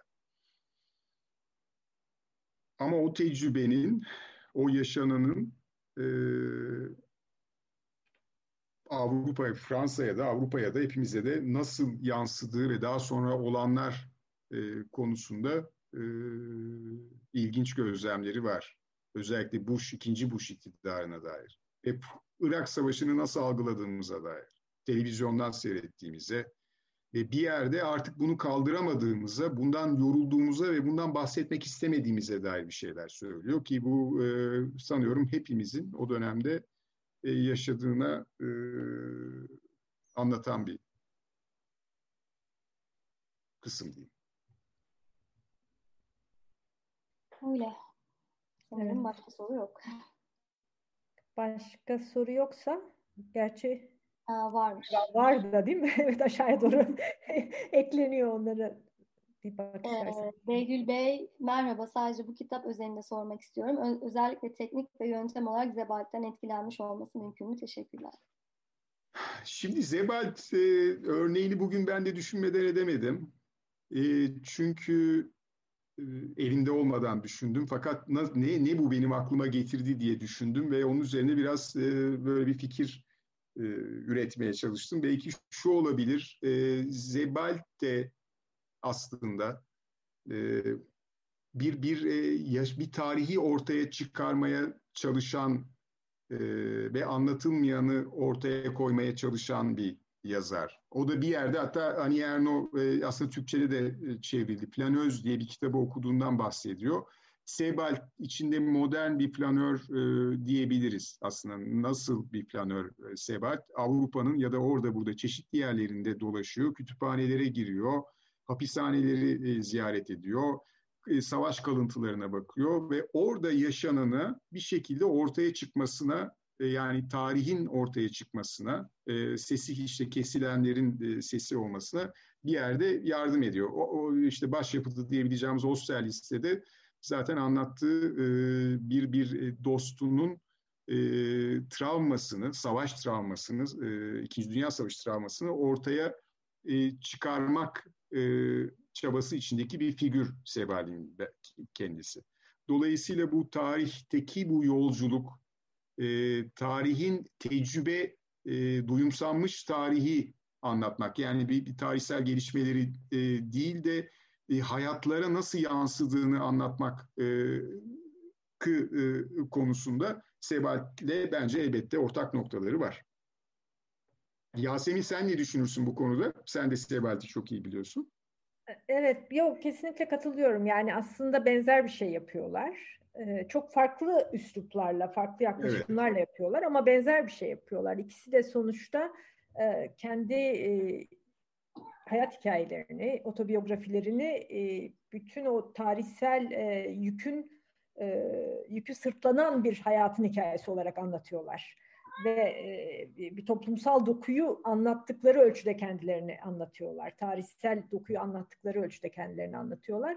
Onun için hakikaten e, çok e, benziyor. Ama tabii tamamen farklı üslup. Yani çok evet. farklı bir kitap. Bu Zebalde... taşıyıcı diyebiliriz bu konuda. Evet, evet. Kesinlikle. E, çok çok güzeldi. E, sorular bittiyse yavaş yavaş toparlarız diye e, tahmin ediyorum. İkinize de çok teşekkürler. Çok kapsamlı bir şekilde kitabı anlattınız ve kitap üzerinden de Annie Ernaux'u e, biraz daha iyi tanımamıza vesile oldunuz. E, en başta Şirin demişti galiba yani bir etnolog gibi yazıyor işte bu hani bir chronicle e, oluşturması bir tür vakanüvis gibi yazması sen de söyledin Cem.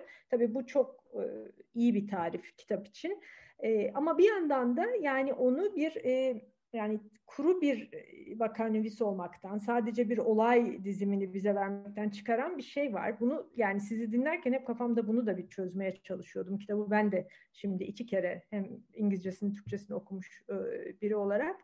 E, yani santimental anlamında duygusal olmadığına kesinlikle katılıyorum. Ama bütün bu e, yine Şirin'in çok güzel söylediği gibi yani imgeler havai fişek gibi patlıyor dedin ya Şirin. Bütün bu imgeleri bize veriyor ama bütün bunlar içinde tabii seçtikleri, Cem senin dediğin gibi sustuğu yerler, seçtikleri, seçmedikleri anlatma biçimi bir de müthiş bir süz, süzgeçten geçirme var. Müthiş bir süzme var. Yani burada biz e, bir şeyin artık neredeyse saf özünü alıyoruz. Yani bir takım olaylar öylesine sıralanmıyor. Bir bunu ortaya koymak lazım. Bir de bence bu akşamın hani en önemli kelimesi belki yine Cem'in söylediği dürüstlük. Niye bu e, bir tür bir e, bir tür enteriyerite var, bir tür içsellik var bu anlatımda. Bu kadar aslında soğuk olabilen, bu kadar işte belli olayların hani sınıfsal tamam belli bir e, bilinçle yazılmış ama sonuçta bir e, kişisel olmayan bir kişisellik de var. Farklı bir öznellik var. Öznellik yok değil yani. Farklı evet. bir öznellik var. Bütün o to- toplumsal belirlenmişlik içinde e, çok dürüst duran bir öznellik. Eğer bu bir e, politik bakışla yazılmış bir kitap olsaydı, yani politik doğrularını sıralayan bir roman olsaydı, e, e, bu kadar önemsemezdik herhalde hiçbirimiz. Dünyada tabii. Öyle de değil. Çünkü aslında sürekli kendi sınıfına, kendisine, kendi yaptıklarına da eleştirel bir bakış var. Ben bunu da çok önemsiyorum. Bir de yani bu büyük bir soru ama soruyu sen ortaya attığın için Cem, belki onu tekrarlayarak ve başka bir belki programda gündem yaparız diyerek bitirelim isterim. Yani Knausgård'ın altı ciltlik e, kavgamından sonra nispeten çok daha ince işte bir 220-230 sayfalık e, seneleri okuyunca, e, paralel okuyunca ne kadar farklı olduğunu ikisinin senin de dediğin gibi görüyoruz. Bu farkları inceleyen e, bir yazı, bir program, bir konuşma, bir makale ne kadar ilginç olurdu diye düşünmedim değil. Ama e, yani konuyu yine kadın yazınına da getirirsek tabii bence en büyük farklardan biri Ani Erno'nun kadın olması. Evet, evet. Belki. Bu da Öyle diyerek ah, çok güzel. Kedimiz de bize katıldığına göre. Evet, evet isyan bayrağını çekti artık benimle ilgileniyor. Evet, artık fazla uzatmayı diyor. Peki o zaman çok çok teşekkür ediyoruz Cem Alpan, Şirin Etik. Ee, bu kitabı da Biz kutluyoruz. Okumayanlara tavsiye ediyoruz. Ani Erno'nun yeni kitaplarını bekliyoruz. Biz teşekkür ederiz. Katılanlara da teşekkür ederiz. Evet bir ara bir 110 kişi falan olduk bu sanal salonumuzda. Herkes göremiyor katılımcı sayısını katılanları ama katılanlara e, bu saate kadar bizi izleyenlere de özellikle teşekkürler. Çok teşekkür ederiz. İyi akşamlar. İyi akşamlar.